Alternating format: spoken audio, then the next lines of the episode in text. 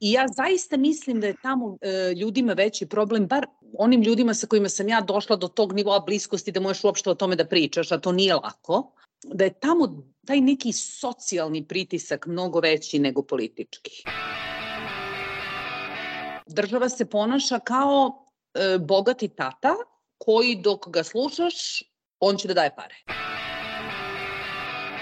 Najveći broj ljudi živi udobno, ne živi bogato, ali svako u Emiratima živi bolje nego što bi živeo u svojoj zemlji.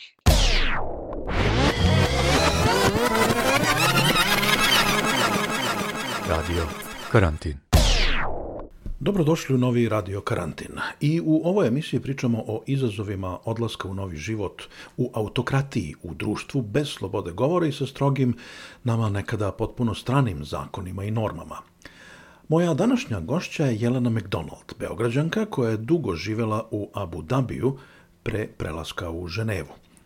Sa njom razgovaram o Ujedinjenim Arapskim Emiratima, zemlji u kojoj mnogi stranci uživaju u veoma visokom standardu, ali i sa ogromnim ograničenjima u slobodi govora. Zato je između ostalog ovaj razgovor bio moguć tek nakon Jeleninog odlaska iz Emirata. U razgovor koji ćete čuti povremeno se uključivala i njena ptica. Ne zamerite.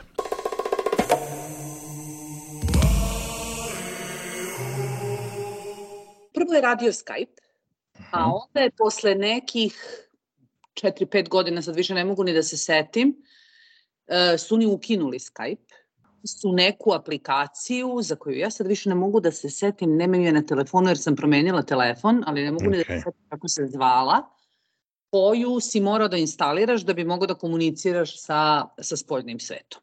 E sad, e, to A je... ono, ljudi koji koriste na poslu MS Teams, Zoom. U Emiratima ima pravilo, a onda ima i izuzetak od pravila. Mm -hmm. A ti onda oni na poslu kažu da uzmeš VPN i da preko, da preko VPN-a onda koristiš sve moguće što ti treba. E sad, vreme Zuma, Teamsa i tako tih stvari je eksplodiralo posle korone, odnosno za vreme korone i tu je tu je napravljen neki kao, ovaj, kao ustupak, pošto je tamo onako bilo prilično heavy-handed, uh, niko nije išao na posao i oni su skinuli maske pre šest meseci, ovaj, obavezno nošenje maski. Tako da onda su morali da naprave, da bi moglo da se održi da neko nešto radi, morali su da mhm. naprave ustupak, e, ali je da, u principu su, ja ne znam čime je to bilo motivisano, jer to tamo nikad ne znaš, ali su ukinuli sve te video četove, svaka mogućnost da se komunicira, a da to nije kontrolisano, e, da nije njihovo, e, nije bila, nije bila moguće. A to je strah od bunta, strah od pobune? Tu je kombinacija nekoliko faktora. Emirati su uh, širijatska država. S jedne strane izuzetno društveno zaostala, a s druge strane se dogodio takav progres ekonomski da ta dva vrlo često, vrlo često ne idu zajedno i jedno drugom onako ovaj, su u kontradikciji. Moj neki utisak je da se oni jako trude, sad govorimo o vladajućoj porodici, uh, da se oni jako trude da emancipuju narod. E, sa ženama im to ide lakše, zato što je teret koji je bio na ženama bio potpuno nesnošljiv. To sad nije tako. Više žena recimo radi nego muškaraca u Emiratima. Više žena se školuje, jer tamo ti ako izražiš želju da ideš na fakultet u inostranstvo, tebi država to plati. I ti ako si dobar student i možda ideš na Harvard, džabe, platit će ti Emirati. I to uglavnom koriste žene, e, jer su vrednije i jer žele da pobegnu oni e, imaju problem sa time da mnogo ljudi ode, veliki broj ljudi koji odu da studiraju se ne vraćaju, e, jer im se dopadne život A to ko Srbija? Bez tih nekih društvenih pritisaka. I ja zaista mislim da je tamo e, ljudima veći problem, bar onim ljudima sa kojima sam ja došla do tog nivoa bliskosti da možeš uopšte o tome da pričaš, a to nije lako, da je tamo taj neki socijalni pritisak mnogo veći nego politički. Ta jedna ta neka pravila uh, života u kojima ti imaš nekih 15 tetaka, 15 stričeva koje moraš da obiđeš jednom u dve nedelje. To što ti ta neka šira porodica bukvalno konzumira ceo, ceo život. I ljudi kad se toga oslobode, kad odu na studije i kad postanu gospodari svog vremena, jako veliki broj njih ne želi da se vrati ili kad se vrati vrlo nerado, um, je prilično nezadovoljno, jer im se onda opet roditelji ono, ubace u život, tetke teče, ujaci, strine, rođaci, to se od, to, bukvalno nemaš jedan dan nedeljno za sebe da radiš šta tebi padne na pamet. E sad, politički... Znači, ni taj, ni taj standard fantastično visok standard, pogotovo za uh, lokalno stanovništvo, nije, mnogim ljudima nije dovoljan. U smislu, ne, ne pruža dovoljnu satisfakciju. Nekim ljudima nije dovoljan, da. Mm. Nekim ljudima nije dovoljan. E, mnogim ljudima je sasvim dovoljan. I ništa im drugo i ne treba. Jer oni su, država se ponaša kao e, bogati tata koji dok ga slušaš, on će da daje pare i davaće pare toliko da ti e, možeš da živiš, mislim niko u Evropi tako ne živi, kako, kako živi neki prosečan emiraćanin. Oni dobijaju novac kad se rode, kad krenu u školu, kad krenu u srednju školu, ako će da studira, kad se oženi, kad dobije prvo dete, tako i oni žena. I to je novac, mislim, to je u stotinama hiljada dolara novac. On može da se zadužuje, zadužuje, zadužuje, zadužuje, uzima kredite od banaka i onda nekog ovaj, za neki bajram, šejk kaže opraštaju se svi dugovi građanima Emirata. I onda on njima to sve oprosti lepo i onda se oni ljudi opet zadužuju. Tako da tamo imaš prilično veliki broj odraslih ljudi koji su na nivou finansijske pismenosti i zrelosti kao moj Luka recimo. Meni se to sviđa i ja to volim i tako, to će da se desi. E sad, s druge strane, imaš i sloj ljudi koji su Ovo što ja govorim se odnosi uglavnom na Abu Dhabi i Dubaj. E, Emirati imaju sedam Emirata, od koji su ostali pet prilično siromašni. I kad kažem siromašni, zaista siromašni. I tu ljudi ne žive ni lako ni lepo, zato što su tu vladajuće porodice u suštini vazali vladajućih porodica Dubaja i Abu Dabija. I tu se ne živi baš mnogo lepo. Čak nije ni bezbedno. U smislu e, ima puno radikalnog islama, i ne dopada im se taj trend ovaj, koji Dubaj i Abu Dhabi dozvoljavaju to žene u šorcevima, nepokrivene. E, jednostavno im se to ne sviđa i onda je tamo, mislim, ideš u te neke turističke rezorte jer su lepe plaže i tako to, ali se ne muvaš baš mnogo nešto po, ovaj, po gradovima i po selima. Koliko su oni zadovoljni, to ne znam. Ti u Emiratima nikad ne možeš da saznaš da se nešto dešava u momentu kad se dešava ti saznaš da se nešto desilo pre tri godine kad Vrhovni sud Emirata potvrdi presudu da je neki Abdala osuđen na smrt zato što je bio pokušao da iseče glavu nekom turisti, recimo. Ili nekom ekspatu. E, ali to bukvalno, kažem ti, znači nemaš ti pojma da se to dogodilo, nemaš pojma da je on uhapšen, nemaš pojma da je otišao na suđenje i dobiješ samo vest da je presuda potvrđena i kazna je izvršena i to je to to tako funkcioniš. E sad, što se nas koji tamo dolazimo tiče, ti si tamo to nije Belgija, pa ćeš ti da budeš četiri godine, pa podneseš zahtev za pasoš, pa ćeš da postaneš građanin Belgije i da se uključiš u neki društveni, politički ili kakav god želiš život. Emirati su zemlje u kojoj si ti možda živiš 60 godina, ti ćeš i dalje svake godine da obnavljaš svoju vizu i nikad nećeš dobiti državljanstvo, sem ako ne uradiš nešto baš spektakularno za Emirate, pa ti onda oni poklone državljanstvo. Inače, neka, neka procedura da ti životom tamo stekneš državljanstvo, ne post... mislim, to jednostavno nije moguće. Tako da ti tamo dolaziš sa tim saznanjem i samim tim te to nekako stavlja u poziciju nekog večitog turiste koliko god dugo da, ovaj, da živiš tamo. Mi smo bili osam godina. Kako to izgleda? Ima dva kanala na koj, e, kroz koje država e, komunicira sa građanima. Jedno su džamije, oni su vrlo religiozni, čak i oni koji nisu religiozni, društveno je e, obavezno da ti petkom ideš u džamiju, na džumu, i tamo nakon molitve se prenose vesti od ozgo, što bi rekli. Znači imam ti objasni šta se dešava u Izraelu, šta se dešava u Afganistanu i šta mi o tome i šta mi o tome mislimo. I ti onda odeš kući. Drugi kanal su uh, ta neka lokalna veća koje oni imaju. lokalna veća, oni imaju, to je kao lokalna samouprava i oni imaju izbore za ta lokalna veća i glasaju ljudi. Sad, koliko je to slobodno, ja stvarno u to ne mogu da ulazim jer ne znam, nisam imala neposredni uvid, a nisam imala ni posredni uvid, nikad o tome nisam razgovarala ni sa kim, ali oni se spreme i idu negde glasaju i odaberu te neke svoje lokalne predstavnike i onda preko njih e, utiču na vladu da vlada radi ono šta oni žele. I to funkcioniše. Znači, ako se angažuješ da pronađeš lokalnog predstavnika, ako hoćeš da ti se zasadi cveće ispred tvoje kuće, to možeš da odeš da tražiš, to on to tamo pošalje gde treba, u centralni komitet, to se tamo odobri i neko dođe i zasadi to cveće, ta, to tako za komunalne stvari. Za ove važnije stvari, ali opet govorim u granicama šerijatskog načina života i razmišljanja, znači ne u poimanju neke zapadne liberalne demokratije, stvari se rešavaju na tom, eh, ajde da kažemo, vladi, u kojoj su deca uh, šejka Zajeda koji je bio osnivač Emirata i njegovi unuci i njima, predstavnici njima uh, bliskih plemena.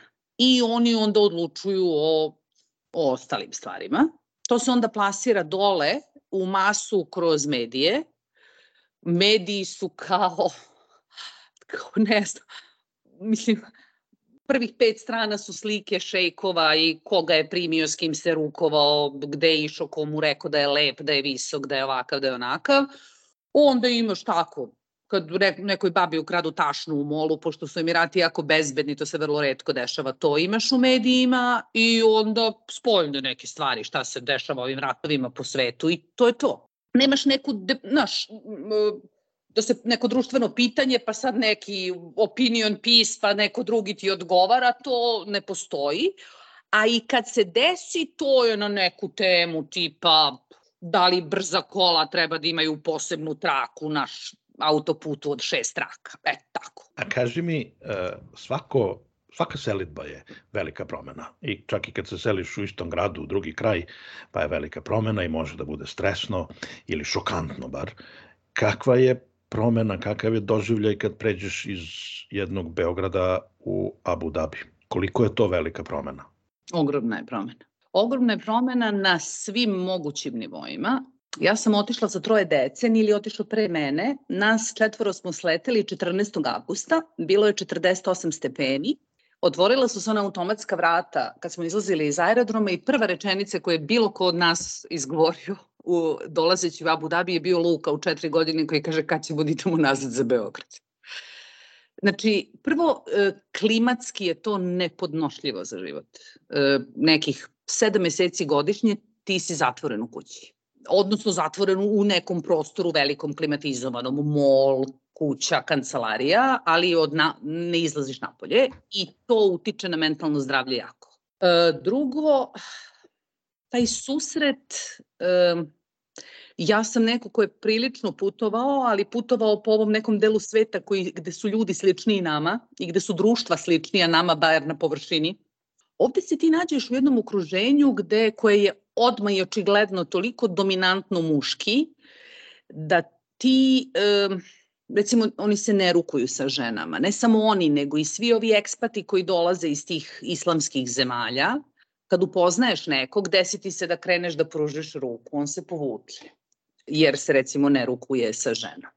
Meni se to desilo u poslovnom svetu prvih nekoliko meseci više puta i to bude vrlo neprijatno, bar meni bude vrlo, je bilo vrlo neprijatno. S druge strane ima jedna udobnost života tamo koja je ne, potpuno neuporediva sa bilo čim što, što si iskusio i što ćeš da iskusiš u ovim nekim našim zapadnoevropskim ove, državama u kojima inače kao težimo da živimo.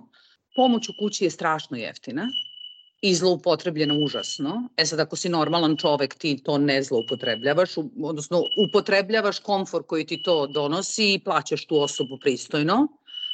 E, tako da u kući ne radiš ništa. Od kuvanja, znači bukvalno možda zaboraviš na taj deo života. Ako ne želiš to da radiš, to neko za 400 dolara mesečno radi i peva ogromni su stanovi u kojima se živi, e, svaka zgrada ima bazen, većina zgrada je na plaži, tako da je taj neki lifestyle za ljude koji vole, ajde da kažemo, slobodno vreme, potpuno savršen. Za nas koji nismo ti tipovi, koji volimo da radimo, e, naći posao u Abu Dhabiju kao žena, e, koja pritom nema diplomu nekog američkog Ivy League fakulteta, je prvo njima uopšte nije jasno, prvo pitanje na svakom intervjuu na kome sam bila, zašto ja uopšte želim da radim. Da li moj muž ne zarađuje dovoljno? Znači, uopšte koncept da bi ti sad, kao imaš troje dece i ti sad hoćeš da radiš, to je vrlo, njima vrlo neobično. Ali ima toliko stranih firmi tamo. Ima, ima, ali se stranci ponašaju isto kao i, isto kao i domaći, a vrlo često i gore. Vrlo često se najgori deo kulture, to recimo izrabljivački odnos prema tom stafu koji radi u kući, E, mnogo gore stvari sam videla u dečjoj školi od recimo Amerikanaca nego od, nego od Emiraćana. Pa i zato što oni nekako obraze da su da su tom činjenicom da imaju više para postali odjednom nekako i bolji ljudi i na nekoj mislim e, e, vredniji, ne bolji nego kao više vredni u socijalnom kontekstu. I onda maltretiraju te ljude stravično i to bude vrlo ružno. E sad, kad nađeš posao, to se onda odvija kao i bilo gde drugde. Ako radiš dobro, vrlo tu brzo ljudi zauzmu svoje mesto i žene i muškarci, ali ti se i dalje čude, kao šta nije u redu sa tom porodicom u kojoj žena misli da mora da radi. Takav je, takav je dominantni neki društveni odnos prema tome, jer njihove žene, one skoro sve rade, ja, odnosno, ajde, skoro sve, jako puno žena radi, ali rade u državnim službama i to ti ono od 9 do 2, prevrće neke papiriće, lupa neke pečate, piše nešto i onda u 2 ide kući. To u privatnom sektoru naravno nije tako. I onda njima nije jasno zašto bi to neko, ovaj, zašto bi to neko sebi, sebi želeo da, da priušti. Tako da je e, promena ogromna, stres je veliki, moraš da razgovaraš sa ljudima na, drugi, na, drugačiji, na drugačiji način. Okružen si ljudima koji dolaze iz toliko različitih e, kultura, koji su toliko, toliko, na, na, na svim mogućim nivoima različite od tvojih. U islamu je velika stvar da se niko ne uvredi. A to kako nekog uvrediš, recimo ako mu kažeš ne niste u pravu, on može da bude uvređen, on može da te tuži i ti možeš krivično da odgovaraš za to što si nekog uvredio. E sad, kad taj deo priče spojiš sa delom priče da recimo treba internet u stanu, pa internet ne radi, pa ti odeš da objasniš da ti ne radi internet, a on te pita da li hoćeš da ti pomeri žutu ili e, belu ili sivu kutiju i ti onda jedno pet puta ponoviš da se ne razumeš u IT, da ne znaš koju kutiju treba da se pomeri, ali da želiš da ti internet radi. Kad te on sedmi put pita koju kutiju da pomeri, jer on nema ovlašćenja da misli dalje od toga. Njemu je, to su dva pitanja koje on ima ovlašćenje da postavi. I kad ti podigneš glas i kažeš, već sam vam rekla da ne znam koju kutiju treba da pomerite, on te prijavi obezbeđenju i tebe obezbeđenje izbaci iz mola jer si kao žena podigla glas na muškarce. Eto, recimo na to treba da se navikneš, da naučiš kako se razgovara sa sa, sa ljudima. Sa muškarcem. Jeste, kako, kako se s muškarcima razgovara. Ovaj, I naučiš ti to vrlo brzo. Mislim, nije to, sve to, ono, nađeš ti tu neko svoje mesto. Ali jeste velika promjena i jeste jako stresno i ja se nikad nisam navikla. E, meni sad Emirati nedostaju sa stanovišta udobnosti života, baš tog nekog komfora, ali je to jedna zemlja koja je meni bila jako teška za život. Jako, jako teška za život. E, gde zato što ljudi ne razgovaraju o stvarima koje su nama u kući važne, o kojima mi mnogo pričamo, kao što su, ne znam, politika, istorija, sociologija, filozofija, to tamo nije bezbedno jednostavno i onda se opšta klima je takva da o tome niko ne priča. Svi pričaju o mazanju noktiju, kozmetičarima i tako dalje, tako da je nama bilo to prilično onako intelektualno nestimulativno okruženje, jer se svi, ja ne znam da li se boje, ljudi jednostavno zaziru od bilo koje teme koja može onako da zazvuči malo škakljivo. Čak i kada ste u društvu samo stranci. Da, da. Kako, kako onda deluje na tebe, ili, ili stvara osjećaj paranoje? Ne. Ne. Ne. Ne, apsolutno ne, jer ukoliko se ne, ja, vrlo je to teško, teško objasniti. Ja sam dobila osjećaj paranoje tokom korone, kad su objavili da će deca ekspata zaraženih od korone biti e, stavljena u temporary facility negde u pustinji. Kad sam ja shvatila da ako se ni ili ja Samo zaražim... deca stranaca. Da, da postoji poseban facility za decu stranaca, da će oni nama, ako smo mi zaraženi, oni će meni da uzmu decu i da ih odvedu negde, e, tad, tad sam prvi put u životu postala ozbiljno paranoična. Znači, bukvalno nisam otvarala vrata dostavljačima, recimo, nego ono, ostavite, ostavite ispred, ispred vrata i tako to. Jer mi je bilo i tad sam, tad sam i odlučila da, da je bilo dosta i da više nećemo živeti tamo, jer ja, ne mogu, ja taj stres ne mogu da izdržim. A možeš da se zaraziš naravno na svakom koraku kao i svako drugi. I jel se da dešavalo, da... znaš nekoga kome su odveli decu? Dešavalo se, desilo se moj drugarici Libanki, čiji sin je išao sa Janom u razred, njega su odveli, pa je onda njen muž koji je radio za Etihad kao pilot preko neke veze vratio dete. Mislim, našli bi i mi vezu da vratimo dete, ali da prođem kroz taj stres i da mi deca prođu kroz taj stres, da ih neko negde odvede u neki facility u pustinji, da ih zaštiti od mame i tate koji su zaraženi. Onda su počeli prisilno da testiraju random, kao da kontrolišu bolest, da ti upadaju u stan, zazvoneti na vrata u dva noću, otvoriš vrata, policajac, sestra i doktor i onda te testiraju. I ako si pozitivan, odmah te vode u neki karantin. Tako da je ta, tad u stvari shvatiš šta znači život u neslobodnoj zemlji, a do tada se uopšte ne pitaš, Uh, mislim, ne pitaš, uh, razmišljaš ti o tome jer, jel, čovek je političko biće ali um, razmišljaš u kontekstu više kao da si u nekom muzeju pa posmatraš znaš, posmatraš neke eksponate koji se tu nešto kreću i imaju neke međusobne odnose. Ne, ne osjećaš se paranoično, ne osjećaš se uh, ne osjećaš se ti baš ni slobodno, zato što je Emirati su puni tih priča od kojih ne, sam neke i lično videla, e, pokušaš da se razvedeš od muža, ne daju ti da izađeš iz zemlje, da izvedeš decu. Um, ako si sponsor, uh, recimo imaš služavku u kući, pa ona ostane trudna, ti ideš u zatvor kao njen sponsor ako ona nije udata. Ja sam to videla prvog meseca u Emiratima, da čovek Jordanac, žena Amerikanka i Jordanac, imali su Filipinku dadilju, kužena ostala u drugom stanju s nekim tipom i e, u molu je imala krvarenje i nju su odveli u bolnicu i doktor mora da prijavi trudnoću ako je žena neudata. Prijavio trudnoću i onda su ovog čoveka Jordanca uhapsili, on je bio u zatvoru mesec dana i njih su deportovali iz Emirata, čovek izgubio posao, deca bila u šku, mislim, to je stvarno bio haos. Tako da ima tih nekih tako potpuno nebulo, mislim, nebuloznih nekih stvari E sad, mi smo izbegavali svaku mogućnost da se dovedemo u tako neku ovaj, situaciju. Nikad nikog nismo sponzorisali, nismo imali služavke. Kad se sudariš sa Emiraćaninom kolima, odmah vadi pare, nema potrebe zoveš policiju jer ćeš ti biti kriv uvek. Mislim, ne postoji način da, da, da zapisnik kaže da je on kriv. Tako da odmah samo pitaj koliko košta to što da se popravi. Moli Boga da nije se u Ferrari tog dana, nego u neki Range Rover ili tako nešto. Da, na tu A temu, želim što te prekidam, na tu temu, sećam se, to mi je ostalo, uh, mi je pričala prijateljica e, Španjolka, oni su isto živeli u Abu Dabiju i kaže to baš ako dođe do, do nekakvog ovaj, sudara na putu, e, da, da. Jedan, jedan tretman će da ima Emiraćanin, drugi tretman će imati stranac Belac, Absolutno. I treći tretman, ovi stranci azici, uglavnom koji rade manuelne poslove po Emiratima. Po tom trećoj grupi um, u nekom momentu moraš da prestaneš da misliš, inače ćeš da se razboliš. Tretman tih ljudi je takav da je nedostojan, nedostojan čoveka potpuno.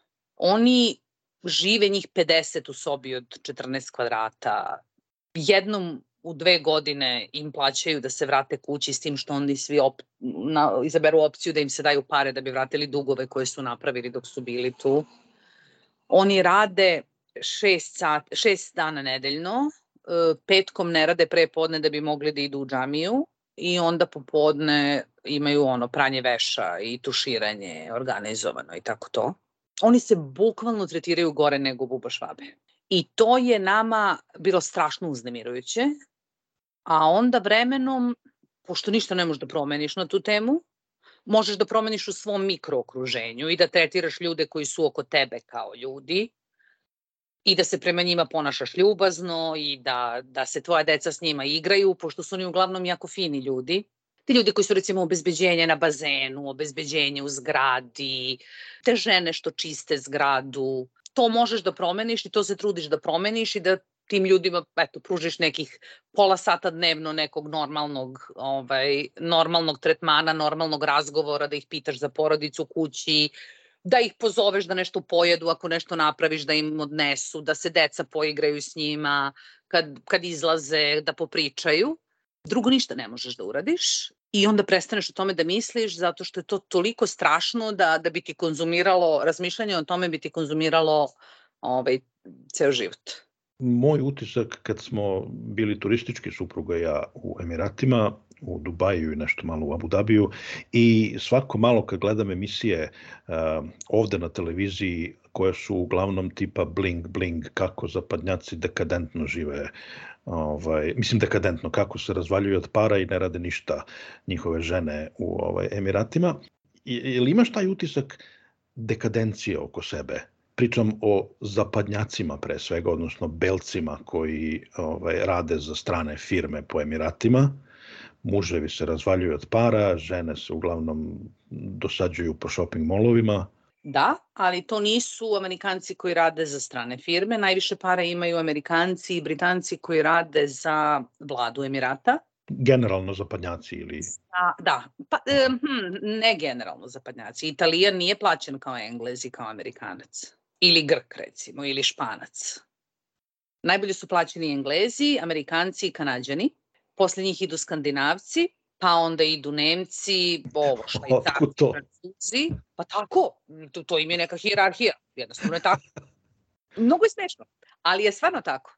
I najbolje žive ti ljudi koji su, e, koji su angažovani od vlade emiratske, koji rade ili cyber security, koji rade nešto vezano za vojsku i koji rade za naft, e, u naftnoj kompaniji ili u satelitima ove gadnoka Abu Dhabi National Oil Company. oni imaju recimo 50 nekih firmica po svetu.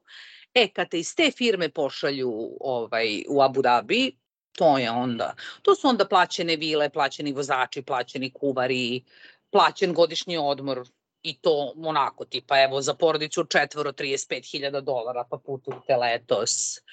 To je jedan život mislim, koji ono, stvarno kao na filmu i meni je to i dalje kao na filmu jer e, s tim ljudima se teško družiti.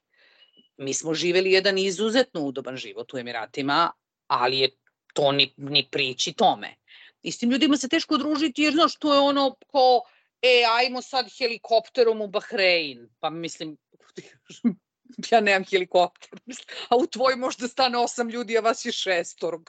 E, tako. Tako da je to E, da, to postoji, toga ima puno, ti ljudi nikad neće otići iz Emirata. Oni žive u Emiratima po 30-40 godina. Ti imaš ljude, Britance, koji su došli kad je nađena nafta 71. već kad su Emirati oformljeni, koji su još uvek tamo, čija su deca rođena tamo, čiji su unučići sada rođeni tamo, koji su, mislim, milijarderi i toliko udobno žive da ne pada im na pamet nikad u životu da, da, ovaj, da odu odande.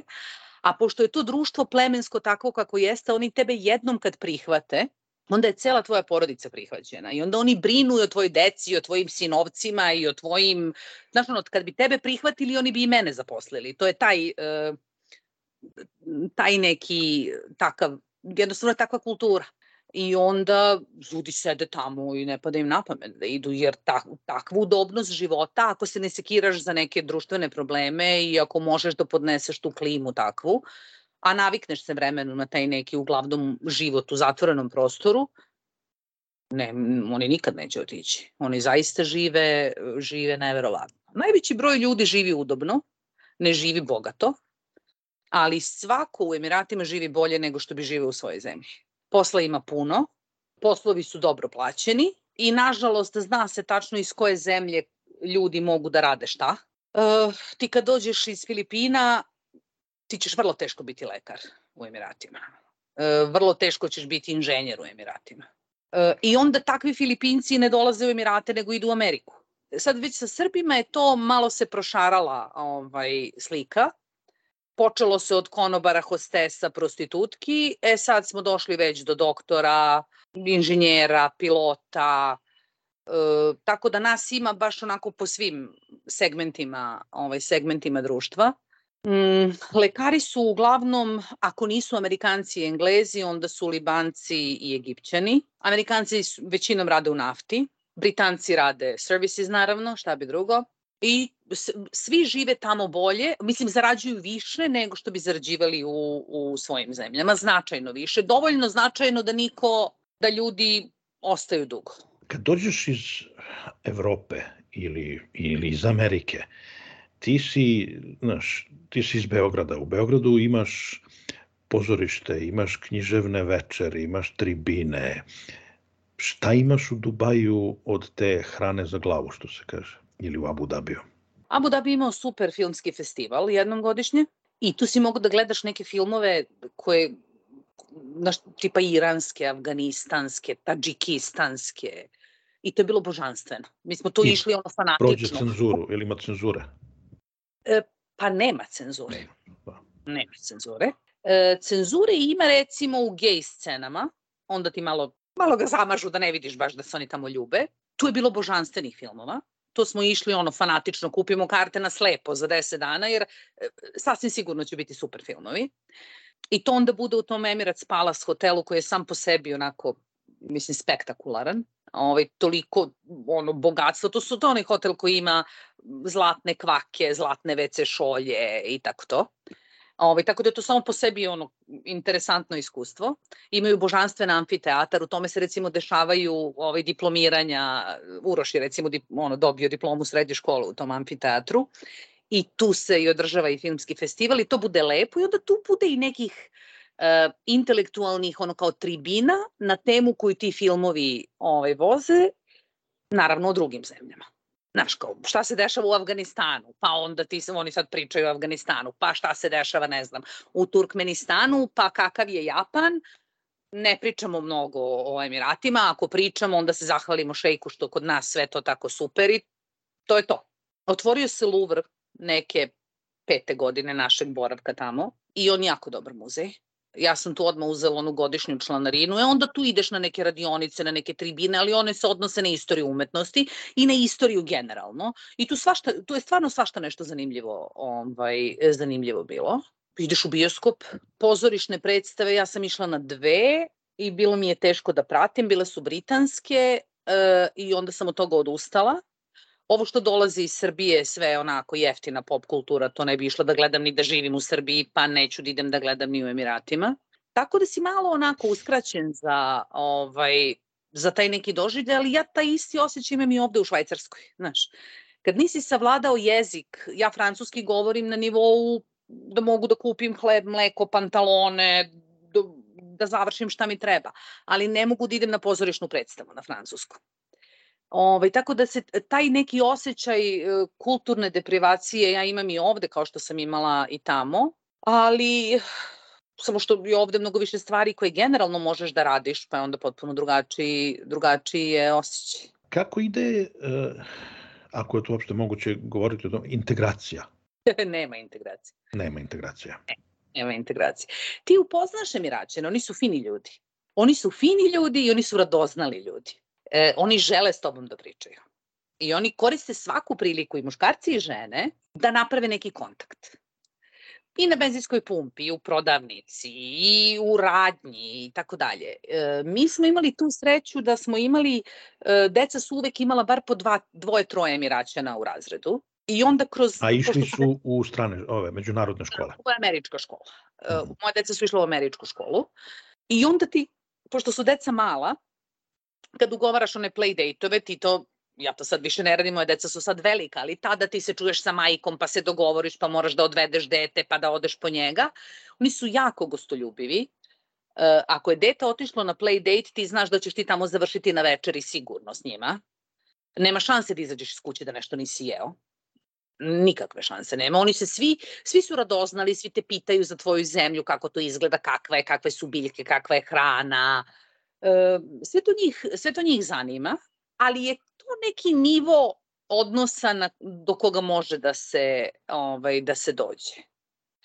E, ja sam bila prilično bliska sa, čuo si za Mubadalu, Mub, e, direktor Mubadale, Kaldun Mubarak, njegova žena je Libanka, koja je odbila da nosi abaju i ona s njim ne može da se pojavljuje na zvaničnim događajima, zato što na zvaničnim događajima oni moraju da imaju one muškarci, one bele njihove haljine, a žene abaje. E, Nadine nije želela da nosi abaju i ona je ono kao sklonjena iz javnog života, tako da Kaldun ide sam na te događaje. Njihov sin je išao s Janom u razred, oni su ljudi toliko bogati da to, ono, idu kod zubara u New York privatnim avionom i tako, te neke stvari. Ali eto, ona koja nije, ona nije Emiraćanka, ona kaže da ona nije uspela da, da penetrira društvo. Da te oni, e, da su oni ljubazni, ali da se ne otvaraju prema ljudima koji nisu članovi šire porodice. Čak ni međusobno, e, ako nisi deo plemena, nekako nisi on, nisi uži krug, ne pripadaš tom nekom krugu gde se priča o nekim intimnim, uh, intimnim stvarima. Da li ste morali ili želeli da učite arapski? E, deca su morala u školi da uče arapski, samo što je to bio potpun gubitak vremena, nažalost. Za osam godina učenja arapskog ništa ne znaju. Niko ništa ne zna, znači nije stvar do moje dece, zato što se arapski vezuje za islamske studije. I profesor arapskog, da bi bio profesor arapskog u Emiratima, ti moraš da budeš i profesor ono, islama.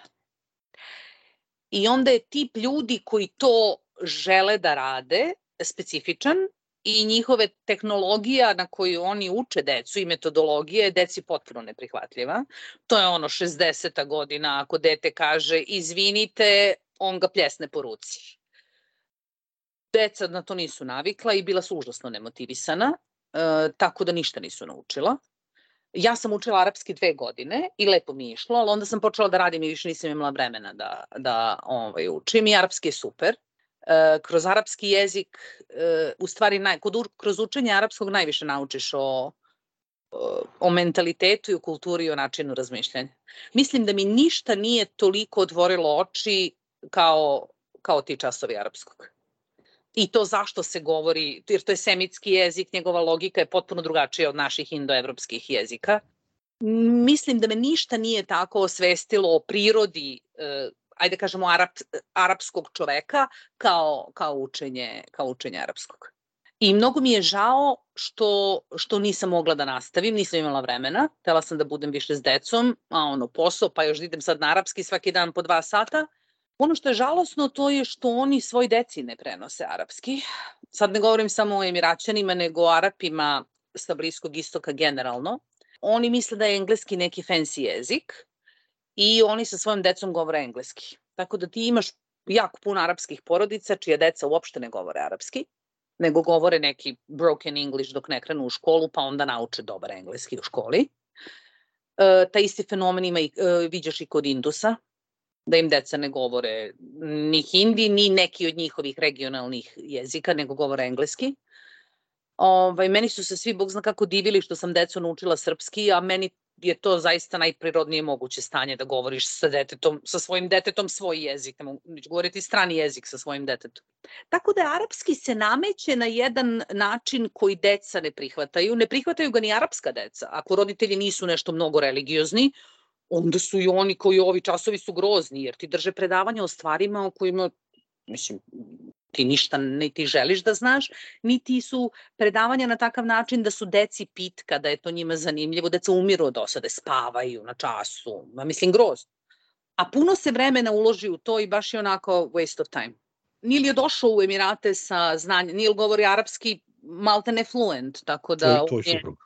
Da, da. Tako da on govori, on je, njemu je bilo najlakše.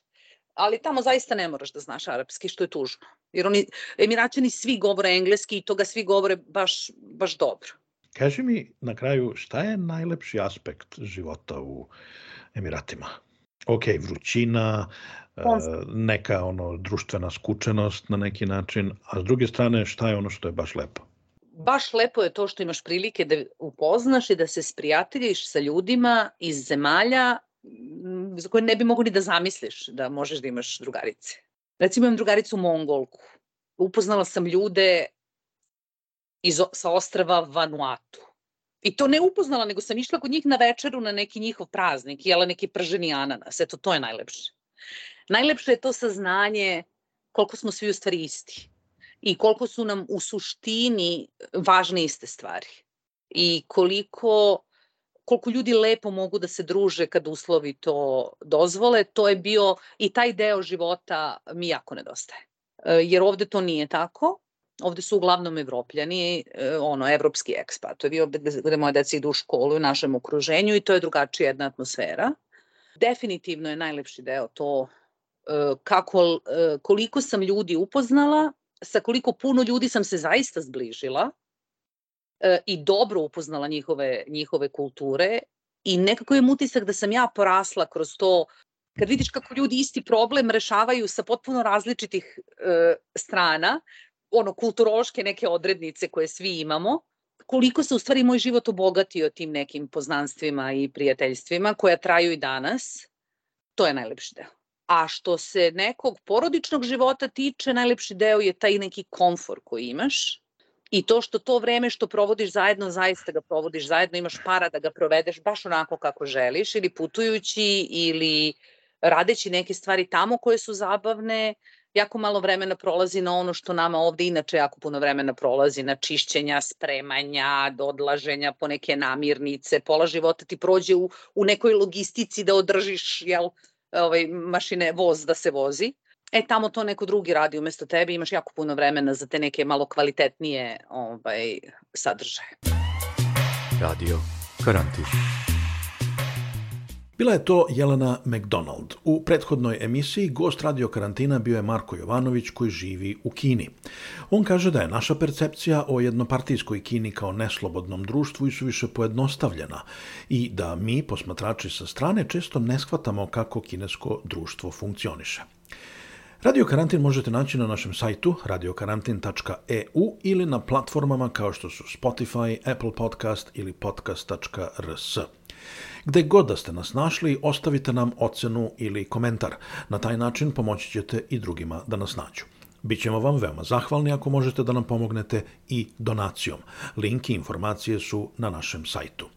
U narednim emisijama posvećenim emigraciji razgovarat ćemo o podizanju dece u novoj sredini, kao i o izazovima i dilemama penzionera, ostati u emigraciji ili vratiti se u rodnu zemlju. Ja sam Aleksandar Kocić. Pozdrav iz Glazgova.